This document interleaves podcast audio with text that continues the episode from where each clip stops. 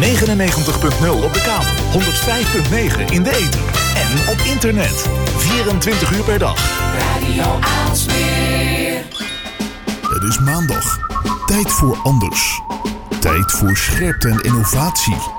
Tijd voor blikopende radio. Met Wilg en Lennart.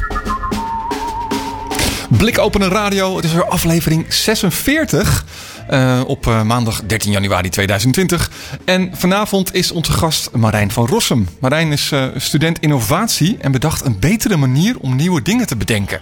Een heel belangrijk deel van innovatie waar eigenlijk nog veel te weinig aandacht voor is.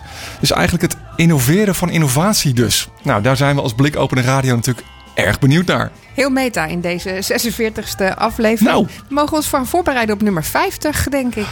Oh, ja. ja, dat is waar. Hm. Nou, gaan we over nadenken. Verder in deze uitzending ook uh, columnist Samira Salman van onder andere eventgoodies.nl. Ze gaat het hebben over de return on investment van je congres. Maar wat brengt de bezoeker nou eigenlijk in plaats van alleen te focussen naar je eigen opbrengst? Hm, nou, dat is interessant. Ik ben benieuwd wat, uh, waar ze mee komt.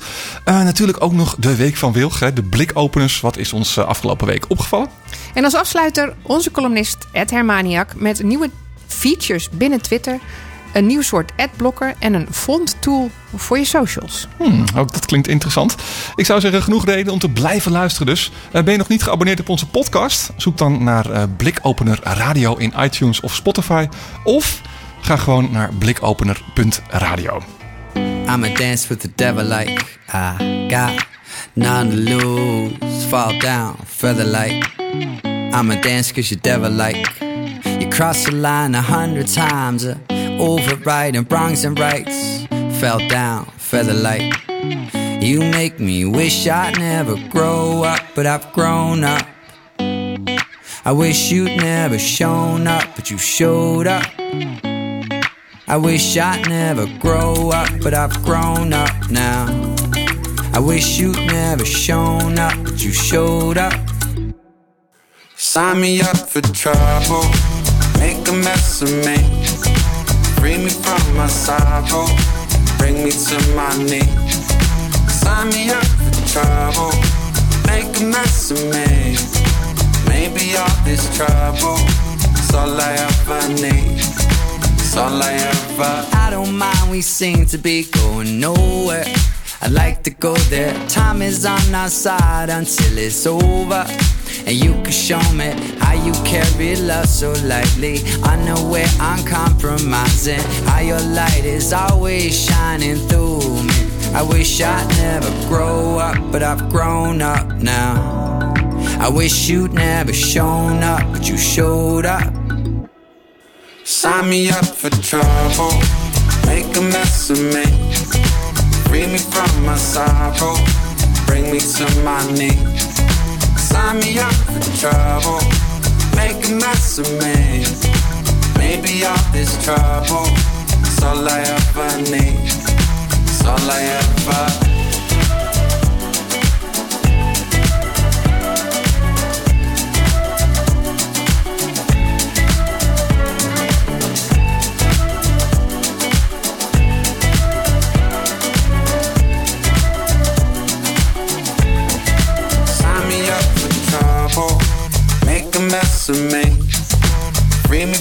my sorrow, bring me to my knees. Sign me up for trouble, make a mess of me. Maybe all this trouble is all I ever need. Sign me up for trouble, make a mess of me. Free me from my sorrow, bring me to my knees. Sign me up for trouble make a mess of me.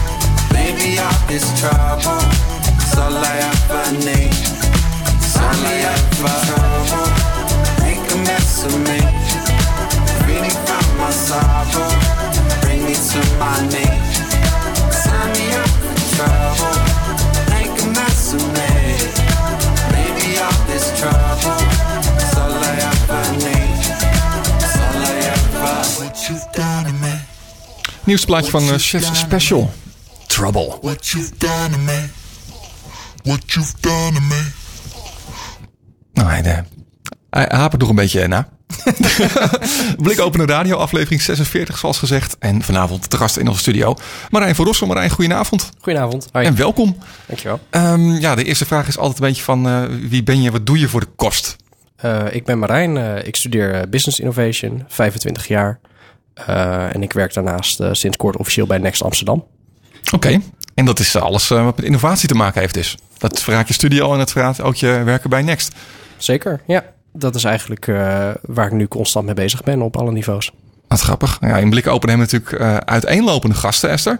Van uh, mensen die nou ja, aan het begin van hun carrière staan, om het zo te zeggen. En student zijn, tot aan mensen die al helemaal gepokt en gemazeld zijn, zeg maar, in, in, hun, in hun werkbare leven, om het zo te zeggen. toffe variatie dus daarin. Ja, Zeker. Leuke afwisseling. Ja. Uh, wat, um, um... Maar, maar, misschien moeten we dan deze keer niet beginnen met wat leidde je ertoe om hierheen te gaan. Ja. maar meer uh, van vertel eens wat meer over uh, waar je dan aan, in aan het innoveren bent voordat we naar, naar je verleden gaan. Oké. Okay. Um, ik heb de afgelopen maanden voor Next gewerkt aan wat we een ideation toolkit noemen. En uh, dat is eigenlijk een, een hulpmiddel om organisaties te gaan helpen om op een andere manier met ideation om te gaan. En voor de mensen die het helemaal niks zegt, wat is Precies. ideation? Ideation is eigenlijk simpelweg het proces om ideeën in je brein te formeren, om met nieuwe ideeën te komen. Um, en op het moment dat we het hebben over ideation organiseren of daar hulpmiddelen voor ontwikkelen, dan hebben we het eigenlijk over een georganiseerd proces om dat te doen. Want je bent eigenlijk altijd ideeën aan het bedenken. Mm -hmm.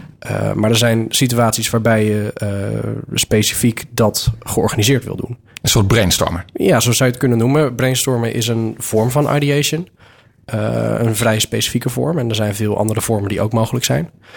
Um, maar brainstorm is wel de, de meest bekende uh, vorm van ideation die iedereen gebruikt. Ja. ja. maar die iedereen gebruikt. En jij dacht van, nou, er is misschien wel meer. Of, of... Nou ja, ja. Um, een van de eerste dingen waar ik eigenlijk naar keek is, wat is brainstorming? Want iedereen uh, nou, zeker in het gebied van, op het gebied van innovatie zijn heel veel mensen nu aan brainstormen. Mm -hmm. um, en wat, wat houdt dat brainstormen nou in? En wat, wat zegt men daar nou eigenlijk over? Werkt dat eigenlijk wel zo goed? Uh, je zou kunnen denken, het werkt goed, want iedereen gebruikt het. Um, en dan blijkt er toch wel uh, een hoop aan de hand te zijn. Uh, zeker in de wetenschap, uh, waarbij heel veel geschreven wordt over brainstorming. En dat dat eigenlijk helemaal niet zo goed werkt. En dat we op een andere manier naar ideation moeten gaan kijken. En niet specifiek moeten gaan brainstormen. dat is dan wel interessant, hè? Want laatst kwam er, kwam er ook een, een discussie op gang. En zei iemand letterlijk van: Nou ja, weet je, goede ideeën die komen toch gewoon. Waarom hebben we dat, waarom hebben we dat überhaupt nodig in innovatie? Waarom is dat zo belangrijk dan? Nou ja, kijk, het, het kan best zijn dat een goed idee zomaar in je opkomt. Um, dat, dat geldt eigenlijk voor heel veel mensen. Um, maar als je uitgaat van innovatie, en zeker innovatie in grotere organisaties, um, dan heb je organisaties die eigenlijk constant aan de lopende band nieuwe ideeën nodig hebben om te testen en misschien wel daar nieuwe producten mee te maken. En je kan niet van je medewerkers verwachten dat die spontaan de hele tijd met ideeën gaan komen. Zeker niet op de lange termijn. Dus dan moet je het georganiseerd gaan doen om toch nieuwe ideeën binnen te krijgen. Dus daar, daar is ideation in deze vorm wel nodig. Hm. Maar dan heb je, uh, dan is brainstormen zeg maar de meest geëikte manier. Ja. Wat zouden zeggen? Hoe, hoe kan dat anders? Of wat is daar nou het grootste nadeel aan? Nou ja, um, sowieso brainstorming zoals het ooit bedacht is en zoals we het nu doen, is al ernstig verwarrend. Um, uh, brainstorming, uh, zoals het in de jaren 50 bedacht was, was niks anders als we gaan met een grote groep mensen aan tafel zitten. Uh, we stellen een vraag en iedereen roept zoveel mogelijk ideeën op. Um, dat zie je nu al minder gebeuren. Wat we nu eigenlijk brainstormen noemen is... we gaan met een groep mensen aan tafel zitten. We hebben nog steeds die vraag. Maar we zetten eigenlijk specifieke technieken in... om met verschillende soorten ideeën te komen. Uh, dus het is niet lucraak gewoon dingen in de ruimte roepen. maar bijvoorbeeld... nou, stel we willen een nieuwe smartphone ontwerpen... en we willen een techniek inzetten... dan zouden we bijvoorbeeld vragen van... wat voor smartphone zou Superman nodig hebben? En dat is dan een hele rare vraag als je er zo over nadenkt... Uh, maar op die manier kunnen we wel uh, andere soorten ideeën gaan bedenken. We komen waarschijnlijk op hele andere ideeën dan wat voor smartphone zou een oma nodig hebben. Of nou ja, zodoende kun je technieken inzetten om mensen te forceren in andere hoeken te denken. En uiteindelijk kun je daar dus verschillende soorten ideeën mee vinden. Interessant. Ja, en, en, en zo ben je tot ontdekking gekomen dat zeg maar, de manier waarop ideeën bedacht worden binnen grote bedrijven eigenlijk altijd op dezelfde manier gaan en misschien niet de beste manier is om dat te doen. Ja, dus dan heb je het eigenlijk over hedendaags brainstorming. Dus eh, waarbij er technieken gebruikt worden om eh, met ideeën te komen. Ehm, maar eh, hoewel brainstorming eh, met technieken dus anders is van hoe het oorspronkelijk bedacht is, eh, staan de principes van dat oude brainstormen uit de jaren 50 nog heel erg overeind. En er zijn eigenlijk twee principes die eh, daarin heel prominent zijn. Principe 1 is je moet zoveel mogelijk ideeën bedenken om uiteindelijk goede ideeën te hebben. En principe 2 is dat je niet mag discussiëren over of een idee een goed idee is. Ehm, dat mag je pas helemaal aan het eind doen op het moment dat je daadwerkelijk gaat kiezen welke ideeën goede ideeën zijn. En daarvan heeft, eh, hebben heel veel onderzoeken gezegd dat is onzin. Dat, we zien gewoon keer op keer resultaten ehm, dat het wel werkt om te discussiëren welke ideeën goed zijn. En dat het eh, Omdat je daardoor weer op nieuwe ideeën komt misschien. Bijvoorbeeld. Ja. Ehm, dat, is, dat is een van de effecten die, die veel beschreven wordt in de literatuur. Ehm, maar ook, ook los van ehm, of je op nieuwe ideeën komt. eh, het helpt sowieso om duidelijk te hebben... Hé, je zit met een grote groep mensen aan tafel. Die mensen bedenken allemaal ideeën. En als je dus niet over ideeën mag discussiëren... dan ben je eigenlijk überhaupt niet in het verdiepen... in wat een ander bedenkt. Ehm, Nee, want het praat je een beetje langs elkaar of dan is het nou ja, ieder voor zich eigenlijk. Nee, je moet je voorstellen, je zit letterlijk met elkaar aan de tafel en je krijgt een stapeltje post-its voor je. Daar mag jij je ideeën opschrijven en die worden ergens opgeplakt. En dan ga je daarna gewoon weer wat anders doen. En op een gegeven moment, helemaal aan het einde, dan ga je naar die ideeën kijken. En dan ga je misschien kiezen welke ideeën goed zijn. En dan ga je misschien dan een beetje discussiëren. Maar tegen die tijd ben je misschien wel anderhalf uur verder. Eh, en heb je inhoudelijk dus niet tot dat punt, of heb je heel weinig met elkaar eigenlijk gekeken naar wat hebben we bedacht. En is misschien het idee al een beetje vervogen, vervlogen. Of dat je in, in de, de of the moment, zeg maar, dat je het bedenkt, is het juist heel goed om er wel over te discussiëren. Ja, en wat jij, wat jij zegt inderdaad, van die discussie kan leiden tot nieuwe ideeën of tot eh, andere ideeën. Ehm, het is op zich ook helemaal niet erg als iemand een idee bedenkt en iemand anders zegt dat is geen goed idee omdat. Want dan weten we dat. Dan hoeven we daarna ook niet meer ideeën in die richting te bedenken. Ja. Dus het kan ook juist. Of diegene kan meteen zeggen, ja, maar wel, want. En Ja, dat is dan een discussie. dan hebben we een hele interessante discussie. En dat Ja. zegt dan meteen iets over eh, hoe verschillende eh, deelnemers van zo'n ideation sessie eh, een ander beeld hebben op wat er bereikt moet worden. Hm. En dan moeten we het daar eerst over hebben.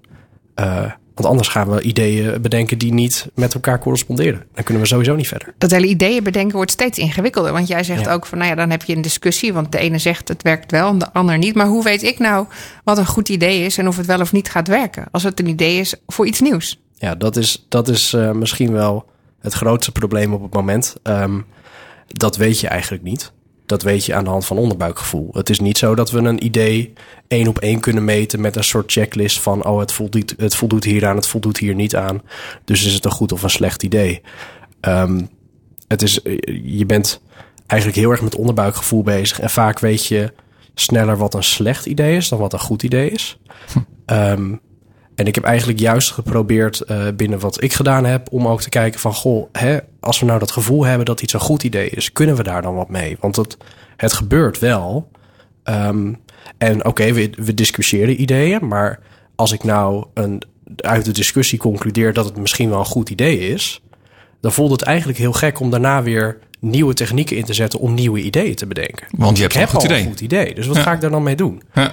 Ehm, nou ja, dat is een van de dingen waar we naar gekeken hebben. Van hoe kun je nou die goede ideeën als het ware parkeren. Van hé, hey, daar wil ik nog een keertje naar kijken. eh, en daarop voortbouwen. eh, voordat we uiteindelijk een selectie maken van met welke ideeën we na zo'n sessie verder willen. Nou, dat, eh, dat zit, daar kan ik heel veel over vertellen. Dat wordt vrij snel vrij gecompliceerd. ja, snap ik. Maar dit, dit, dit is dit, dit wat je nu beschrijft, dit zijn echt, echt vernieuwingen, zeg maar, in dit, eh, in dit vakgebied. Ja, Hij knikt hevig. Ja, zo zou, je, zo zou je het echt wel kunnen zien. Het het is eigenlijk. ehm, de wetenschap zegt al. Nou, een goede 15, 20 jaar dat we, dat we hier meer voor moeten gaan bedenken. Mhm. Eh, meer in deze richting moeten gaan werken. Maar de wetenschap komt niet met oplossingen. Dus dan moeten we het ergens anders gaan doen. Maar dan heb je dus een opleiding eh, en die heet Business Innovation. Ja. Doe je in de Hogeschool Avans in, eh, in Den Bosch. Klopt. Ehm, zitten daar niet allemaal eh, mensen zoals jij die dan dus hiermee bezig zijn? Of is dat die studie juist zoveel breder dat het misschien over het hoofd gezien wordt? Of? Ik, ehm, die studie is vrij breed. Dus de, er zijn voldoende studenten op Business Innovation die waarschijnlijk... we krijgen wel les in ideation en ook in brainstorming specifiek. Ehm, maar of die daadwerkelijk met dit soort vraagstukken bezig zijn, is de vraag. Eh, ik ken twee studenten die hier wel mee bezig zijn geweest op een, op een klein niveau. Ehm, we hebben in ideation sessies hebben we wat we een facilitator noemen. Dat is iemand die de sessie begeleidt. Ja. En eh, daar weet ik dat twee studenten van mij een jaar eerder bezig zijn geweest om te kijken van goh joh, kunnen we die facilitator vervangen met digitale eh, doeleinden, et cetera.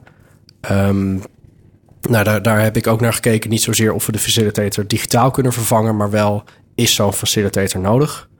Eh, Maar je, je, je, in plaats van zeg maar, eh, het klakkeloos aan te nemen, eh, twijfel je aan of wat je geleerd wordt wel juist is. Is Ja. dat het idee? ja, maar dat leren ze hier dan ook weer bij Business Innovation. Dus dat is maar, eigenlijk- je- maar dat is eigenlijk een hele, aan de hele opleiding twijfelen. Ja, dat, van. dat is eigenlijk eh, een beetje het ironische van, van de opleiding. Is Ja? je wordt, een van de eerste dingen die je geleerd wordt is... stel overal vragen over en neem niks aan. ja? Eh, maar eh, dan ben ik iemand die van zichzelf al heel erg koppig is... en graag tegen de status quo ingaat.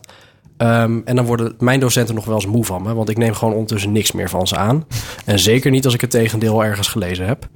Ehm, en dat, nou ja, dat leidt tot grappige interacties. Eh, maar ja, je wordt op die manier wel opgeleid om op deze manier na te denken. En dat kan, eh, nou ja, dat hopen we dan voor de Ideation Toolkit heel zinnig zijn. ja.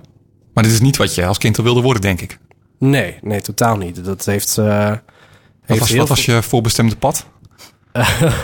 oh, heb, heb je bedoel familiebedrijf, iets dat je moest opvolgen? Of heb je iets in die hoek? Of was dat niet, niet Nee. zo strikt? Nou ja, nou, ehm, grappig genoeg eh, was mijn vader wel bezig met, met verandering en, en binnen bedrijven, dan voornamelijk vanuit een managementperspectief, maar daar ben ik nooit mee bezig geweest. Ik denk dat ik een van de eerste dingen die ik dacht te willen worden was advocaat.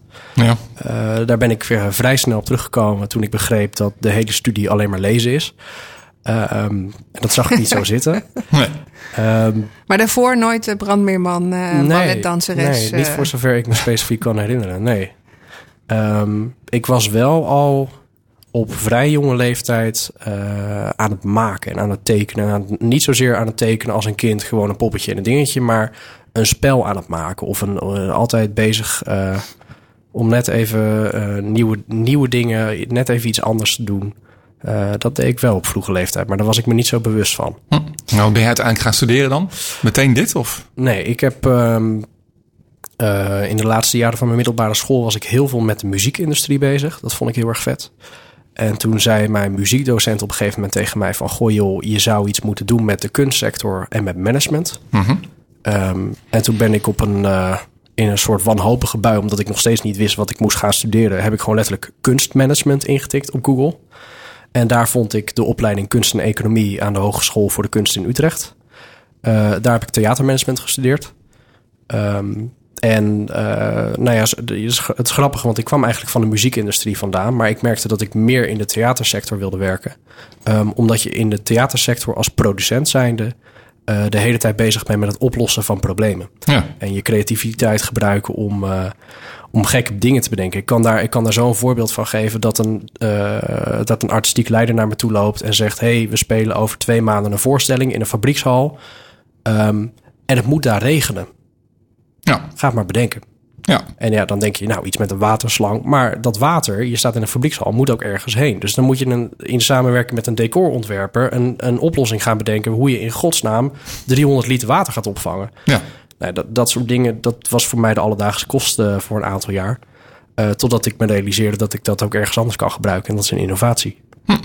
Ja, dat is heel erg op, sluit op elkaar aan. Het is eh, ja, ook weer een beetje bijna geforceerd oplossingen slash ideeën bedenken dan. Ja, Ja, want dat, dat ideeën bedenken, dat is eigenlijk, eh, eigenlijk dus zeg maar de rode draad. Want dat, dat, hè, dat heb je nu eh, verbeterd. Maar we vragen ook altijd eh, een aantal vragen aan onze gasten. Een van die vragen is, wat het, is het beste idee dat je ooit had? Je had er zoveel dat je niet kon kiezen, begrijp ik. nee, dat klopt. Luxe probleem. Ja, nou ja, als in, ik heb niet een idee waarvan ik zeg dat is het beste idee wat ik ooit gehad heb. Ik heb, ik heb genoeg ideeën waarvan ik zeg, oh, die zijn interessant. Of daar, daar kan ik leuke verhalen omheen vertellen. Mhm. Ehm, Maar het beste ideeën waar je dan wel of niet mee verder zou willen of had gemoeten? Of... Nou ja, er, er is één idee. Ik heb eh, eh, niet afgelopen Dutch Design Week, maar het jaar daarvoor heb ik op de Dutch Design Week gestaan met een concept. Ehm, en dat was een, eh, een concept waarmee ik eigenlijk opnieuw keek naar hoe Parkinson-patiënten specifiek hun medicatie konden innemen. Mijn eigen vader heeft Parkinson en ik zag hem zijn medicatie innemen. Heel moeilijk een potje opendraaien, daar heel moeilijk een pil uithalen. En ik dacht, ja, dit is toch raar. Dit, hier moet toch gewoon iemand al een oplossing voor hebben. Ehm, en die waren er wel. De maar die- ziekte maakt dat je dus juist heel lastig die medicijnen kan, tot je kan nemen. Dus ja, je, je neemt je medicijnen eigenlijk in omdat je nou, onder andere problemen met je motoriek hebt. ja. En vanwege die problemen met je motoriek kan je letterlijk je medicijnen niet innemen. Ja. Nou, dan moet je daar een hulpmiddel voor hebben. En dan zijn er dus wel voor oudere mensen hulpmiddelen om pillen uit te drukken of weet ik veel wat. Maar er zaten enorm veel complicaties omheen, waardoor geen enkele Parkinson-patiënt die ik ontmoet heb dat gebruikte. En dan, dan begint er in mij een, een, soort gevoel te borrelen van ja, dit, dit slaat helemaal nergens op. Een soort bijna een gevoel van onrecht. Ja. Ehm, en dan ga je daarmee aan de slag. En eh, ik heb uiteindelijk nou ja, mo- twee modulaire eh, medicatiehulpmiddelen ontworpen. ehm, waar eh, die sowieso ergonomisch beter zijn voor mensen die specifiek motorische problemen hebben. Ehm, maar een van de grote complicaties tijdens het ontwerpen was eigenlijk dat die Parkinson-patiënten elke twee weken misschien wel een ander formaat of een ander type medicijn hadden. Oh, wauw. Dus ik had een, ik had een testgroep van mensen. ehm, en dan had ik net een nieuwe, een nieuwe prototype voor ze gemaakt. En dan kon ze hem niet gebruiken, want ze hadden ondertussen nieuwe medicijnen. Ehm, dus buiten dat het product ergonomisch beter moest zijn, moest er dus ook iets met het product zelf veranderen, waardoor het met de medicatie constant kon mee veranderen. Nou ja, dat werd uiteindelijk een modulair systeem met eh, verschillende deeltjes. Dan moet je eigenlijk een beetje denken aan een soort, nou ja, een Lego-systeem waar je dingen kan wisselen. Ehm, en dat, eh, ehm, dat, dat werkte eigenlijk heel erg goed. Ehm, alleen de grootste vraag op dat moment was: hoe gaan we dit bij eh, de mensen thuis brengen? Ja. Hoe gaan die mensen constant nieuwe onderdeeltjes krijgen voor een medicatie? En hoe gaan we dat überhaupt duurzaam doen? Want als ik dat uit plastic ga maken, dan heeft iemand op een gegeven moment 100 plastic deeltjes. Dat wil Ja. je ook niet. Nee. Nou ja, daar, daar was uiteindelijk een concept voor om dat in de vorm van 3D-printing te gaan doen. En dat 3D-printers overal in Nederland beschikbaar moesten zijn. Eh, en de eindconclusie van dat idee, het eindverhaal is... ehm, om dit goed te kunnen doen, hebben mensen dus constant veranderende onderdelen nodig. Dat kunnen we leveren aan de hand van 3D-printing. Maar die technologie is nog niet op een punt dat ik zeg, dat moeten we nu gaan doen. Hmm. Gewoon iets de tijd nog iets vooruit. Je moet eigenlijk letterlijk een apotheek moeten kunnen inlopen waar een Ja. 3D-printer voor je staat. Ja. Dat je je medicijnen ophaalt en tegelijkertijd een envelopje meekrijgt met dat, met dat ehm, modulaire systeem dat je gewoon aan je normale systeem vastklikt. En dan ben je weer oké. Wauw. Dat is. eh, Iets wat je in de toekomst nog verder wil uitwerken? Ehm, nou ja, er lag een aanbod van een zorgverzekeraar om daar, eh, om daar wel serieus aan te werken. En die ligt dus, zoals ik dat noem, op de plank. Ja. Eh, en, en zo zijn er eh, altijd wel ideeën die voorbij komen waar ik dan waarschijnlijk ooit weer wat mee ga doen. Maar wie weet. Mooi. Dus jij hebt niet je eigen toolkit nodig om nieuwe ideeën te bedenken. Ik denk dat ik hem wel kan gebruiken.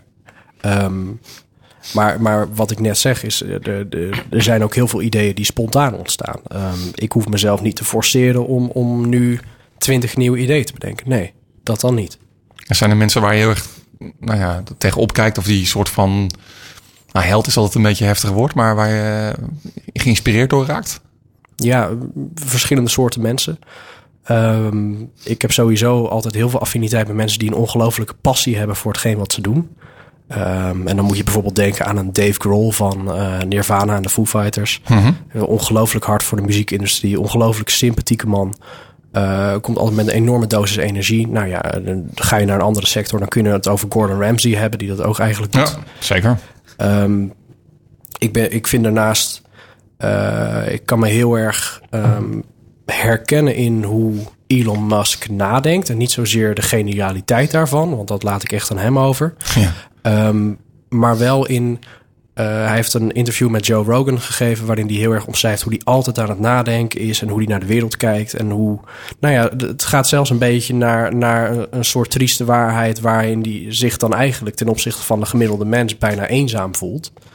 Ehm, en Omdat hij de enige is die op een bepaalde manier naar kijkt of zo. Maakt dat hem eenzaam? nou, ik weet niet of hij de enige is. Ehm, Een van de weinigen. Maar ik, ik denk ook, tenminste als ik uit eigen ervaring spreek... zijn er genoeg mensen die tegen mij zeggen van... Jezus man, kun je nou een keertje gewoon stoppen met de hele tijd nadenken... en vragen stellen en doen?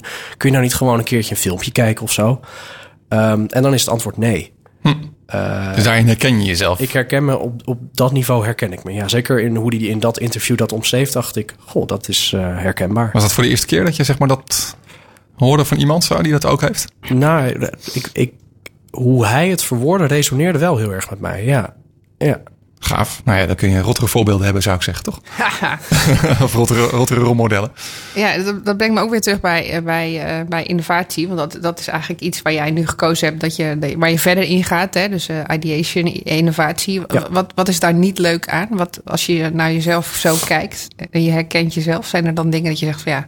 Nou, je zegt de- net al van, dan kun je een keer stoppen met ideeën doen. En dat is een, misschien een, een nadeeltje, maar Ja, nou ja, dat, ik, vind dat, ehm, ik vind dat zelf niet vermoeiend. Eh, maar het, het kan naar andere mensen toe kan het wel vermoeiend zijn. Ja. Eh, eh, ik zeg altijd, nou ja, in mijn werk en sowieso in wie ik ben, ik ben eigenlijk constant creatief en kritisch aan het nadenken. En dat kan heel erg in je voordeel werken, maar dan kun je ook mensen heel erg mee afschrikken. Ehm, als ik constant met mensen aan tafel zit en de hele tijd vraag, ja, maar is dat wel zo? En, en hoe zit het dan met dit? En hoe zou je niet zussen. Ja, ja, ja. En, eh, Beetje wijsneus. ja, Is dat het? beetje, beetje bedweter, beetje wijsneus. En dat is helemaal niet de intentie. Maar dat is natuurlijk wel hoe het overkomt. En dat, nou ja, daar kun je een beetje mensen mee in het schild jagen. Ja. Eh, nou ja, dat is een van de dingen. En ik kan me voorstellen dat verandering tijd kost. En dat je het misschien... Is, is, zit er een stukje ongeduld bij? Of? Ja, soms wel. Eh, ehm, ik, ben, ik, ja, ik ben wel iemand die juist heel erg die verandering wil opzoeken. En ja, dat, je kan niet van iedereen in je omgeving verwachten dat die altijd openstaan voor verandering. Ehm, dus ja, dat, dat speelt ook mee. Eh, dus dus dat, soort, dat soort dingen gebeuren er wel. En als het dan specifiek over innovatie gaat, is het eigenlijk, dat ben ik de afgelopen weken gaan zeggen, is dat er niet één waarheid is. Er zijn waarheden. En ehm, dat maakt sommige discussies dan ook wel weer complex. Ehm, omdat er meerdere waarheden zijn, weten we eigenlijk niet daadwerkelijk wat goed of slecht is. We weten alleen dat een aantal dingen goed zijn. Ehm, Het zijn niet, niet de alternative facts, hè, dit.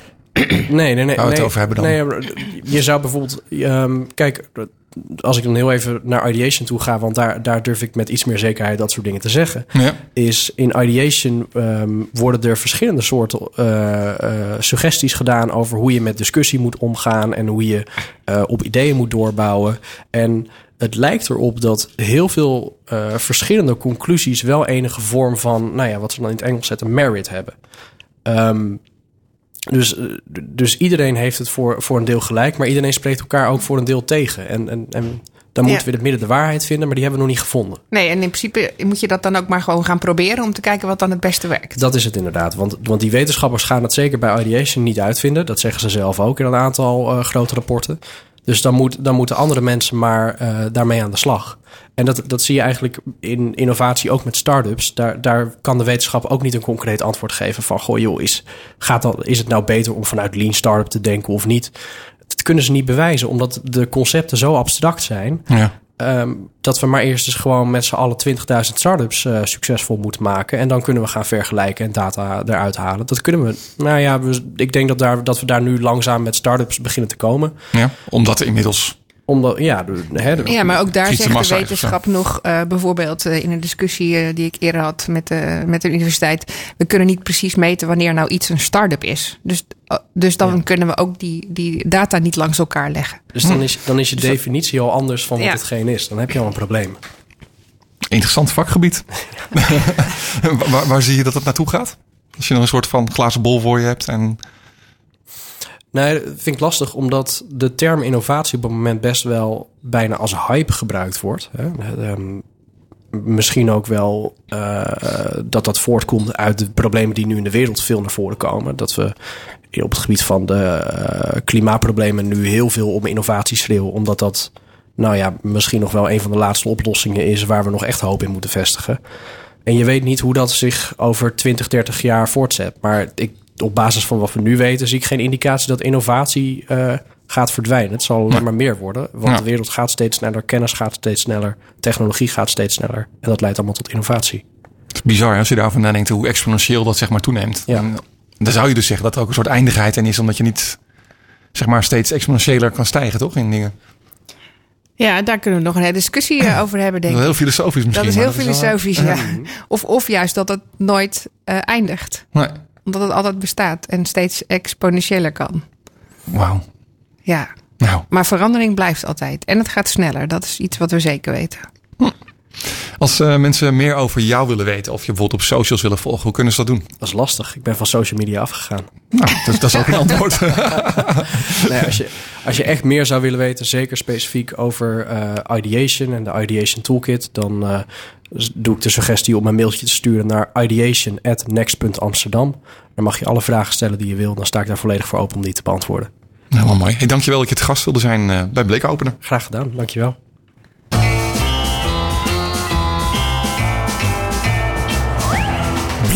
Blikopener Radio. En zo gaan we door met eh, onze eerste columnist van vanavond. Eh, aan de lijn hangt Samira Salman. Samira, goedenavond. Goedenavond. Nou, wat fijn dat ook jij er weer bent. Eh, voor de mensen die je niet kennen, je bent van eventgoodies.nl. Ja, dat klopt. En ehm, om maar gelijk even in te haken als mag. Ik ben super geïnspireerd geraakt door dit gesprek. Omdat het heel erg lijkt op wat ik probeer te doen. Nou, Het is gaaf. een heel mooi bruggetje. Ehm, want met eventgoodies hè, schreef, heb ik ook wel eens eerder verteld, schreef ik vooral over de topproducten die je eventbeleving eh, vergroten. Dus ik eh, kwam ik een leuke een, robot tegen of een, microfoon vierkant die je kan gooien, een catchbox. En dan dacht ik, nou, dan kunnen eventplanners, eh, die krijgen de inspiratie en dan kunnen ze hun event nog leuker maken. Ehm, maar ik merkte dat het eigenlijk niet voldoende was en dat het eigenlijk dat, de, dat ehm, eh, het event op zichzelf vaak best wel oudbollig is. En eh, laat ik het dan nu als congres even als voorbeeld nemen. Eh, die heeft vaak een heel standaard opzet. Hè? De ontvangst en een keynote en een breakout, koffiepauze, weer een breakout, lunchpauze. Nou, ga zo maar door. En dan ga je helemaal gesloopt naar huis. Ja. Ehm, en ik probeer dus komend jaar, dus mijn missie, om mensen die dit organiseren wakker te schudden en te laten zien dat het ook echt anders kan. Ehm, en daar gebruik ik ook eh, allerlei tools voor die net ook een beetje voorbij zijn gekomen. Ehm, nou goed, dat probeer ik dus via mijn blog. Probeer ik die mensen eh, eh, wakker te schudden, dingen te veranderen, te innoveren. Maar waar ik het eigenlijk nu over wil hebben is van de andere kant. Want ik denk dat hier meer mensen zitten die events, congressen bezoeken dan organiseren. Toen dacht ik, hoe kan ik die mensen nou mm, zorgen dat die ook in beweging komen? En toen dacht ik dus, nou, jullie hadden dat mooi aangekondigd, hè, de ROI van de bezoeker. Dus als je een, event, een congres organiseert, als organisator ben je heel erg bezig met, nou, wat halen wij eruit? Ehm, mijn advies is om na te denken over wat haalt de bezoeker eruit. En eh, die vraag wil ik eigenlijk ook aan een bezoeker neerleggen. En ik weet niet of jullie dit herkennen. Ehm, er zitten echt ook wel hele goede events tussen, hoor, daar niet van. Maar de meeste congressen die ik bezoek, daar kom ik thuis en denk ik, ja, was het nou echt mijn tijd waard? Ehm, ik ga meestal gelukkig nog naar gratis events. Ik koop niet gauw een kaartje omdat ik van tevoren al een beetje denk van moh. Ehm, dus ik denk van ja, volgens mij mogen wij, we zijn best wel kritisch eh, als Nederlanders op allerlei dingen. En ik denk dat we ook wel wat kritisch mogen zijn op congressen. Nou, ik ben wel, Eh. ben wel benieuwd, tussen Emilie, wat voor tips je dan hebt. Want ik, ik doe ook wel eens... Hè, dan denk ik, dan ga ik toch iets organiseren. Eh, en dan denk ik, ik wil het toch het beste hebben voor de bezoekers. Dan vraag ik wel eens wat ze dan van vinden. Maar dan krijg ik soms feedback dat ik denk van... ja, dat, dat snap ik, maar, maar hoe heb jij er dan wel wat aan? Dus volgens mij is dat feedback geven of vragen ook nog best lastig. Ja, er komen heel veel dingen bij kijken. En ik merk ook wat ik dan zie qua feedback over evaluatieformulieren. Dan vragen ze vaak eh, naar cijfers voor eh, de locatie en het eh, eten en de sprekers allemaal separaat. Of tenminste welke je bezocht hebt. En dan denk ik, oké, dan krijg je die cijfers terug. En wat kun je dan met die cijfers? Ehm, want dan, dan komt misschien de conclusie dat je niet meer naar die locatie moet, dat je meer eten moet bestellen of zo, of meer variatie, weet ik veel wat. En dat de sprekers, daar kun je niks meer mee, want die sprekers zijn dan geweest. Ehm, en ik denk dat bezoekers het ook niet altijd precies weten wat er nou echt moet veranderen om meer impact te maken. Ehm, ik, ben, ik heb mijn certificaat gehaald voor event design. Dus eigenlijk design thinking met een mooi woord, maar dan voor events. En daar leer je echt dat je moet nadenken over wat de bezoeker eh, wil. Eh, en, en, en hoe je kan zorgen met een event dat hun kennis, hun houding en gedrag verandert als ze weer weggaan van het event. Ehm, maar ik merk dat congressen die ik ken, en nogmaals, er zijn er natuurlijk echt wel een paar voorlopers, maar de, de, massa nog niet, die willen niet veranderen, want iedereen vindt wel prima. Oh, we hebben toch een 8 gekregen als cijfer. Waarom zouden we, of een 7, of weet ik veel wat voor cijfers krijgen. Waarom zouden we het beter moeten doen? Waarom zouden we tijd en energie steken in innoveren? Wat levert het dat op? En daarom dacht ik, ik wil het dus nu eens bespreken als bezoekers nou kritischer zijn. En echt oprecht nadenken van, oké, wat heb ik, hoeveel tijd heeft me dit gekost? Eh, hoeveel geld heeft me dit gekost? Heb ik een kaartje gekocht? Heb ik reistijd gehad? Heb ik, wat heb ik hier allemaal voor moeten laten liggen? Hoeveel stress heb ik op kantoor omdat ik een dag heb gemist en de dag daarna mijn hele volle mailbox heb? Eh, denk eens echt goed na over wat heeft het, hè, wat heeft het me gekost, eh, niet letterlijk, maar ook figuurlijk. En wat heeft het me opgeleverd? Heb ik hier echt iets aan gehad? Was het een leuke dag? Heb ik lekker gegeten en heb ik een beetje inspiratie gehad? Of heb ik echt iets geleerd waardoor ik dingen anders kan doen? Kan ik mijn werk nu beter doen? Of heb ik echt iemand ontmoet die mij verder kan helpen? Dat zijn goede Ik denk vragen. Maar, moet, Ja. maar, maar jij zegt eigenlijk eh, allemaal die cijfers niet meer invullen, jongens. Doe alleen maar bij dat vakje eventuele opmerkingen gewoon Ja. iets zeggen wat, wat, wat, dat, wat dat, waar je iets mee kan. Nou ja, ik heb dit ook het weekend bedacht. Ik dacht, hé, hey, de ROI van een bezoeker. En wat kan de bezoeker zelf doen? Hè? Dus de evaluatieformulieren. Ik krijg dat niet voor elkaar, omdat binnen een korte termijn eh, dat iedereen het voortaan beter gaat doen. Dus ik, dus ik dacht bij deze van, nou, als we nou als bezoeker gewoon kritischer zijn op het geheel en niet op die details en die spreker en het eten. Ja. Kijk eens gewoon zelf, heb ik echt iets. Maar ja, is dat duidelijk? Ja, dus wat ik vind het wel nou een mooie oproep, dus we gaan niet die cijfers meer invullen, maar bij het vakje verder eventuele verder opnemen gaan we gewoon nadenken wat willen we echt, wat hebben we echt geleerd en wat zou er echt anders kunnen. Ja, ik zou eigenlijk om het samen te vatten, een soort weegschaal. Wat heb ik er, wat heb ik, ge, eh, wat zei ik nou net? Wat heb ik nou geïnvesteerd? klopt? Precies. Ja. En, en wat heeft het me opgeleverd? En is dat in balans? Als het in balans is, prima, dan is het een goed event.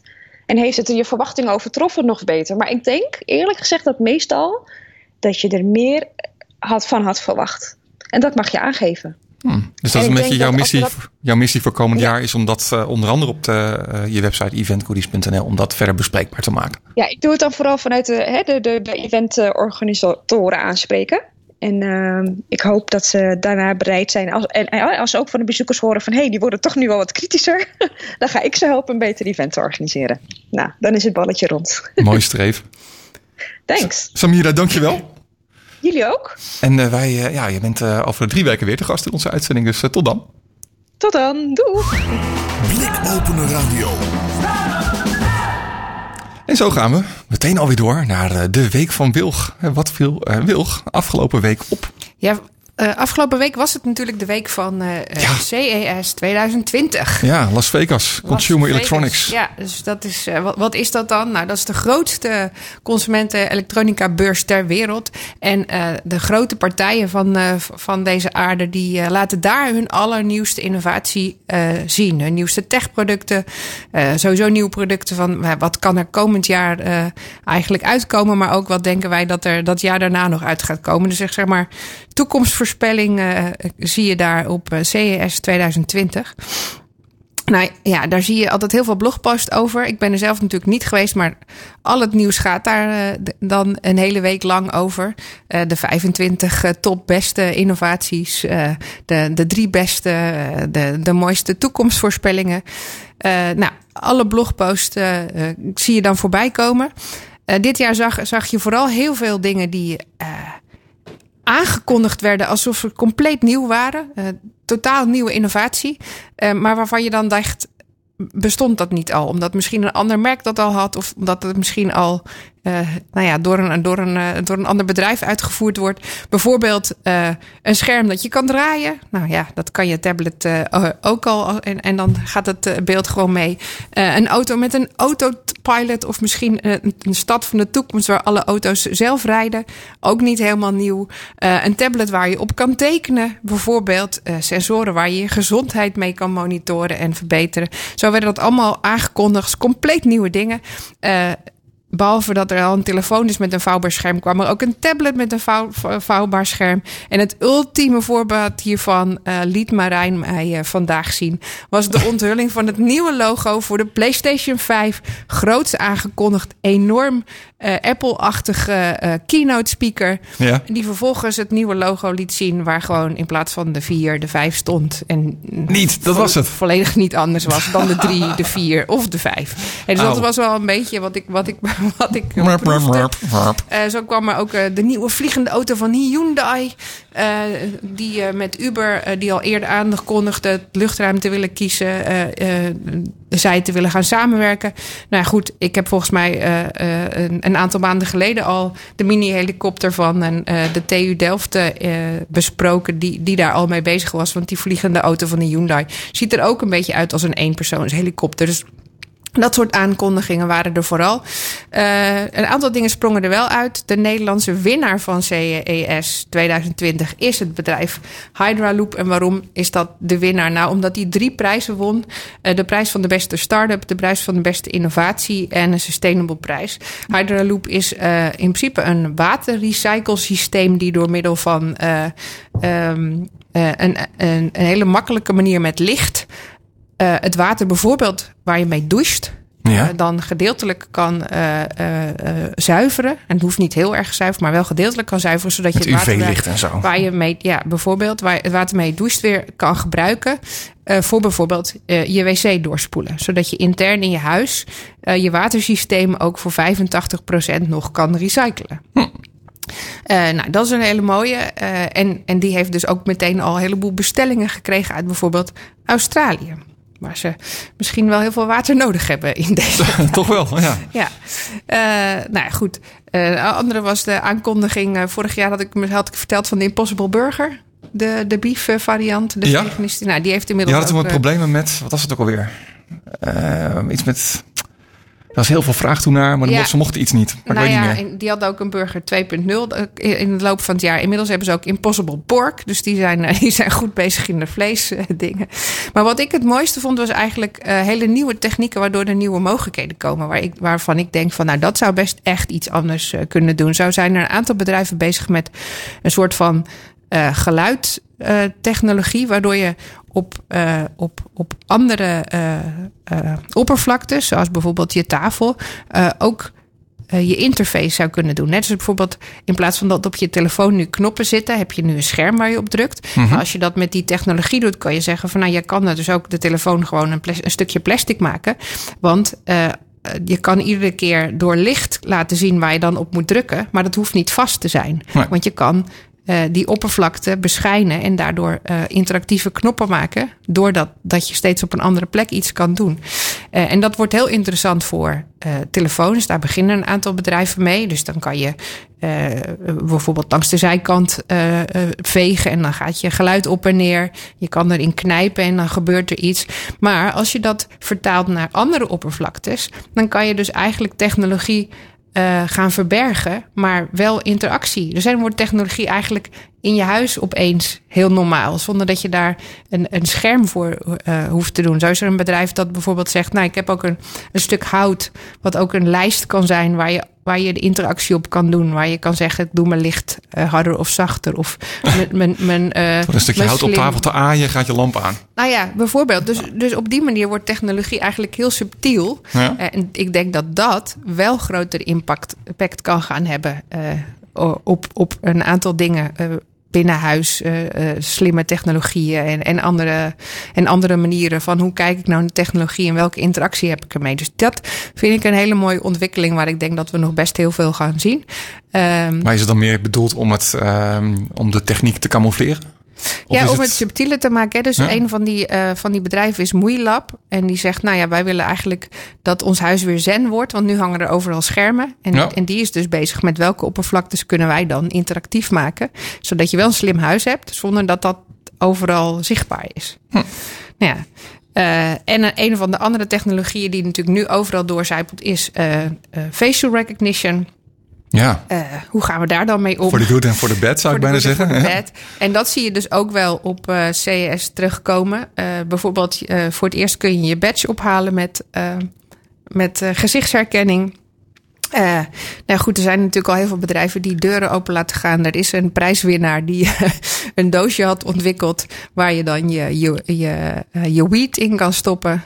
Oh ja, en die mochten er niet staan of zo, toch? Nou ja, zo, ja dat was nog ook dat was heel dubbel. was heel ja, dat, dubbel. Maar dat was op zich. vorig jaar ook al zoiets. Ja, ja, vorig jaar was het de sextoy die dan. Oh ja. de vrouwelijke sextoy die dan geen aandacht krijgt en er niet mocht en wel staan. een prijs gewonnen en toen een van prijs dezelfde voor. beurs. Nou, dat is nu ook weer met de weed zo. Okay. ze hadden een doosje ontwikkeld dat alleen degene die daar dus toestemming voor had, dat doosje open kan maken, zodat je kinderen er niet uh, een blootje kunnen draaien van jouw medicinale uh, uh, spul. nou ja, dat soort, dat soort dingen, daar komt het in terug. Maar eh, ook een zorg wat op, die op CES wordt gehaald, geuit, is dat er vooral in Amerika helemaal geen wetgeving is rondom eh, facial recognition. En dat er dus al heel veel gedaan wordt met jouw gezicht. Ja. Eh, waarvan zelfs de, de, de ontwikkelaars zeggen: Ik weet niet of dat wel zou moeten mogen. Want we weten nu al heel veel. Hè, ze zijn bezig met bijvoorbeeld gezichtsherkenning bij, bij gokkers. Dus, en dan kan het ook bij het casino. Ja. Ik herken jou, maar dan kan ik je dus ook dingen gaan aanbieden. Ja. En dat vullen ze al aan met, eh, met online gegevens. Dus Marijn, eh, goed dat je er vanaf bent. en zo kunnen ze dus ook heel gericht jou eh, weer op online volgen en heel gericht dingen aanbieden. En dat gaat eigenlijk steeds verder. Dus ja, Ja, ja, eh, ja, inderdaad. Het gaat steeds verder. En hetzelfde met wat social media natuurlijk doen en wat Facebook doet om je aandacht maar vast te houden ten koste van eigenlijk alles. ja. Is dit natuurlijk ook dan wel een heftige stap. En als je dan ergens langs loopt, dat je al herkend wordt en bij naam aangesproken wordt. Ja. Nou ja, dat soort dingen gebeuren. of dat je casino in komt lopen en dat casino weet van, oh, maar die heeft al heel veel gewonnen. Dus deze keer hoeft het niet zo. Bijvoorbeeld. Of je bent, ja, dat kan van heel simpel. Je bent nog geen 18 tot Ja. Eh, dat soort dingen, inderdaad. Eh, Hmm. Dus daar moeten we misschien toch eh, wat meer Europese regels op. Zou, zou- zouden daar gewoon, ehm, ik weet niet of dat kan hoor, maar zou je dat kunnen verstoren? Zou je een soort van ja, een, een nepneus kunnen opplakken, bij wijze van die zorgt dat jouw facial Nou, recognition dat, niet meer werkt? degene die die blog schreef over van ik werd dus eigenlijk herkend op CES en, en, het, en de facial recognition die zei. ehm, ik liep niet eens echt goed voor de camera. Ik had Nee, alleen dat- de zijkant en ik had ook een petje op. Dus hij hoopte dat dat dan niet mogelijk zou zijn. Ja. En toch werd hij al herkend. Dus, dus, dus dat is al heel knap. Bizar hè? Het is heel bizar, ja. Dus misschien moeten we wel net als in al die sci-fi eh, films met van die tattoos op ons gezicht gaan roepen. ik weet het niet. Als, manier afsluiter, is, als ja. afsluiter had ik nog wel eh, een, eh, een mooie tweet van Elon Musk. Eh, Elon Musk is met Tesla, zoals jullie misschien weten, al, eh, al bezig met eh, verplicht geluid aan de buitenkant. Het is namelijk zo dat in de Europese regelgeving staat dat als je beneden de 30 kilometer per uur rijdt, je, wel, je wel moet horen dat er een auto aankomt. Dat is nu niet, bij de Tesla niet altijd helemaal duidelijk, want ja, ze zijn nogal stil. Dus voor de veiligheid hebben ze besloten, nou dan moet er dus wel een geluidje bedacht worden. En, Hoe klinkt een elektrische auto en eigenlijk? ja, en Elon zou een Elon niet zijn als hij daar niet mee bezig was. Dus eh, er waren al grapjes over nog. kokosnoten, paardenhoeven. Kan ik dan niet zelf iets doen? Mag ik het geluidje van? Nou ja, en dan kwamen er allemaal dingen. Ja? Eh, en nu uh, tweette hij met een filmpje. En hij postte een filmpje waarbij de Tesla rondrijdt met een stem die zegt... Well, don't just stand there staring, hop in. Uh, en dat soort dingen. uh, uh, waarbij die zegt: straks praat de Tesla tegen voorbijgangers. Echt, dit is echt. en als die voorbijgangers dan terugpraat, dat je gewoon een gesprek met iemand anders een auto hebt. Bijvoorbeeld. En dan roepen er ook alweer uh, Tesla-rijders: mag mijn Tesla dan ook met andere Tesla's uh, praten als ik bij de superchargers sta. Nou ja, goed, dat soort dingen. Wat hele interessante gesprekken dan. Ja, ook weer heel meta. en dat was hem voor vandaag. Mooi. Blikopener Radio. Ja, zoals gezegd, we hebben een bomvolle uitzending vanavond. En zo gaan we ook weer uh, ja, via de jingle door naar onze uh, afsluitende columnist van vanavond. Het toetje Hermaniak. Herman, goedenavond. Goedenavond. Oh, ik, was, ik, ik schrok even van hij is er niet, maar gelukkig wel. Ja, het is allemaal prima hier, Herman. We ja. hebben een, een, leuke, volle uitzending inderdaad. Um, jij bent onze specialist, onder andere op het gebied van uh, socials voor zakelijk. Als ik het heel kort zou samenvatten. Ja. Waar ga je ons vanavond ja, mee ja, verrijken qua kennis? Ik bekijk het uh, meestal vanuit een zakelijke kant, inderdaad.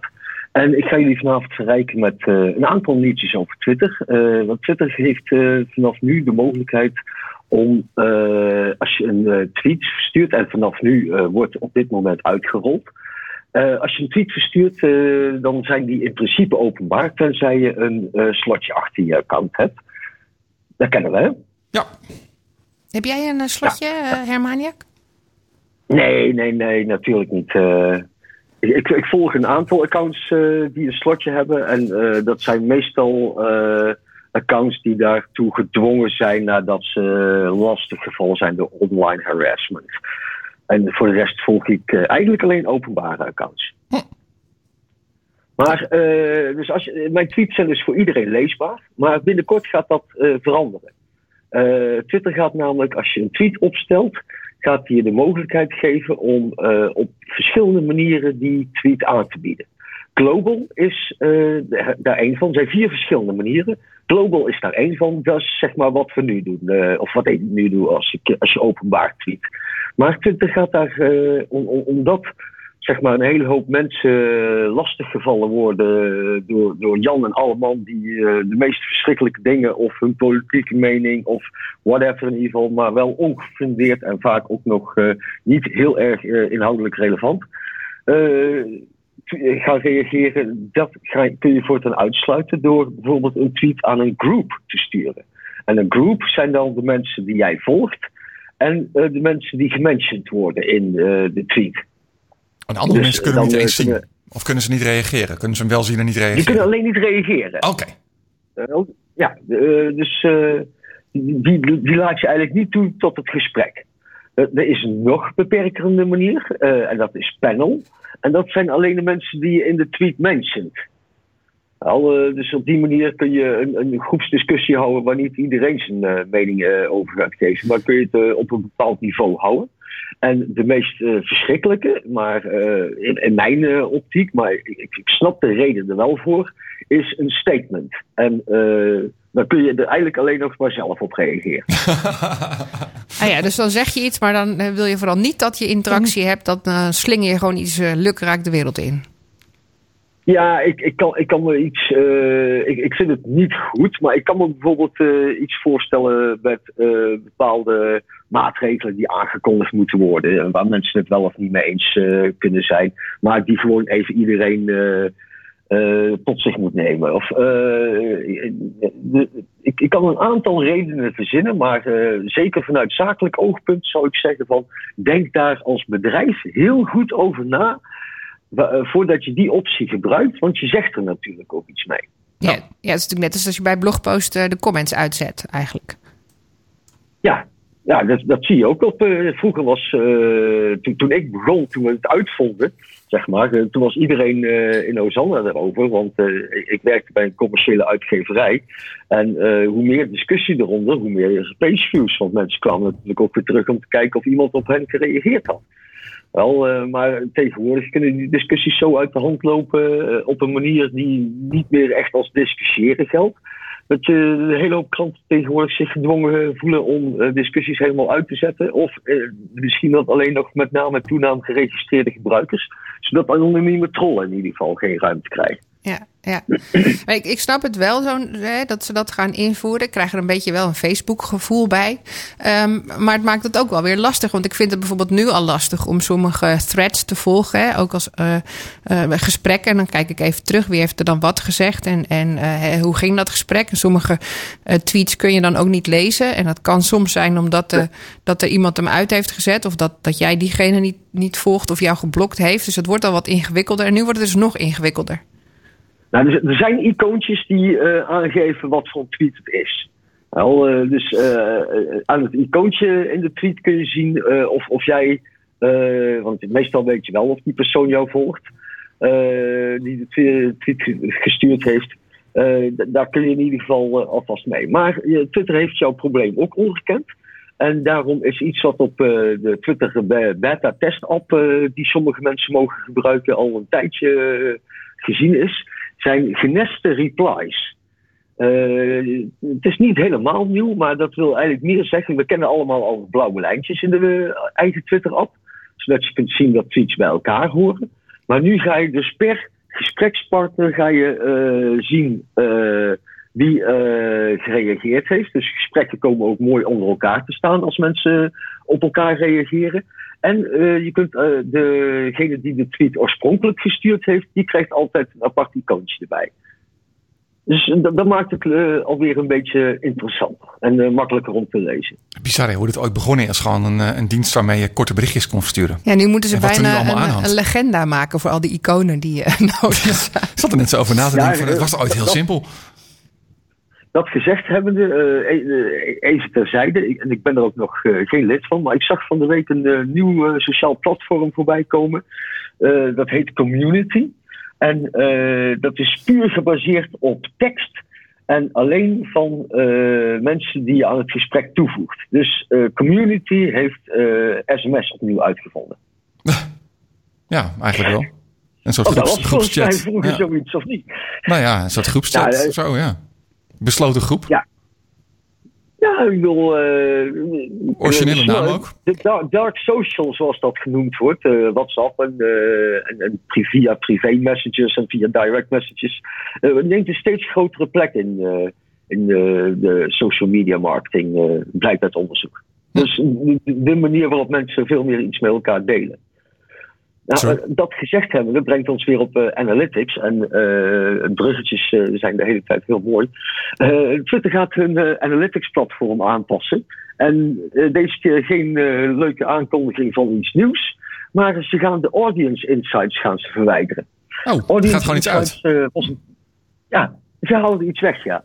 Moet ik eh, zeggen dat Audience Insights eigenlijk altijd alleen maar heel erg interessant was eh, voor Amerikaanse gebruiken. Want de plannen die Twitter er ooit mee had om eh, zeg maar op nationaal niveau inzichten in gebruikers te gaan geven aan adverteerders. En nu dus ook aan iedereen. die gaat verdwijnen. Wil je weten waar ik het over heb? Ga naar analytics.twitter.com, want tot de 30 januari kun je er nog naar kijken. En het, ik weet zo bijvoorbeeld eh, dat eh, van eh, alle mensen die mij volgen, de meeste mensen KPN gebruiken. Dat soort leuke inzichten kun je eruit krijgen. Eh, is er En- ook en- een reden waarom ze het eruit halen? Want ik neem aan dat zij zoiets hebben van ja, het wordt niet vaak genoeg gebruikt. Of... Privacy, wetgeving Ja, dat, dat zal, nou, privacy zal een deel zijn eh, dat het eh, niet vaak gebruikt wordt. En dat het eigenlijk, eh, Twitter haalt zijn inkomsten meer en meer uit het buitenland. En nu gaven ze eigenlijk eh, alleen maar iets inzichten in dingen die voornamelijk eh, in, de, in Amerika interessant waren. Al, zo denk ik dat events binnenkort ook nog wel gaat verdwijnen, omdat dat ook alleen maar wereldwijd of op Amerika gericht is. Ah, zo.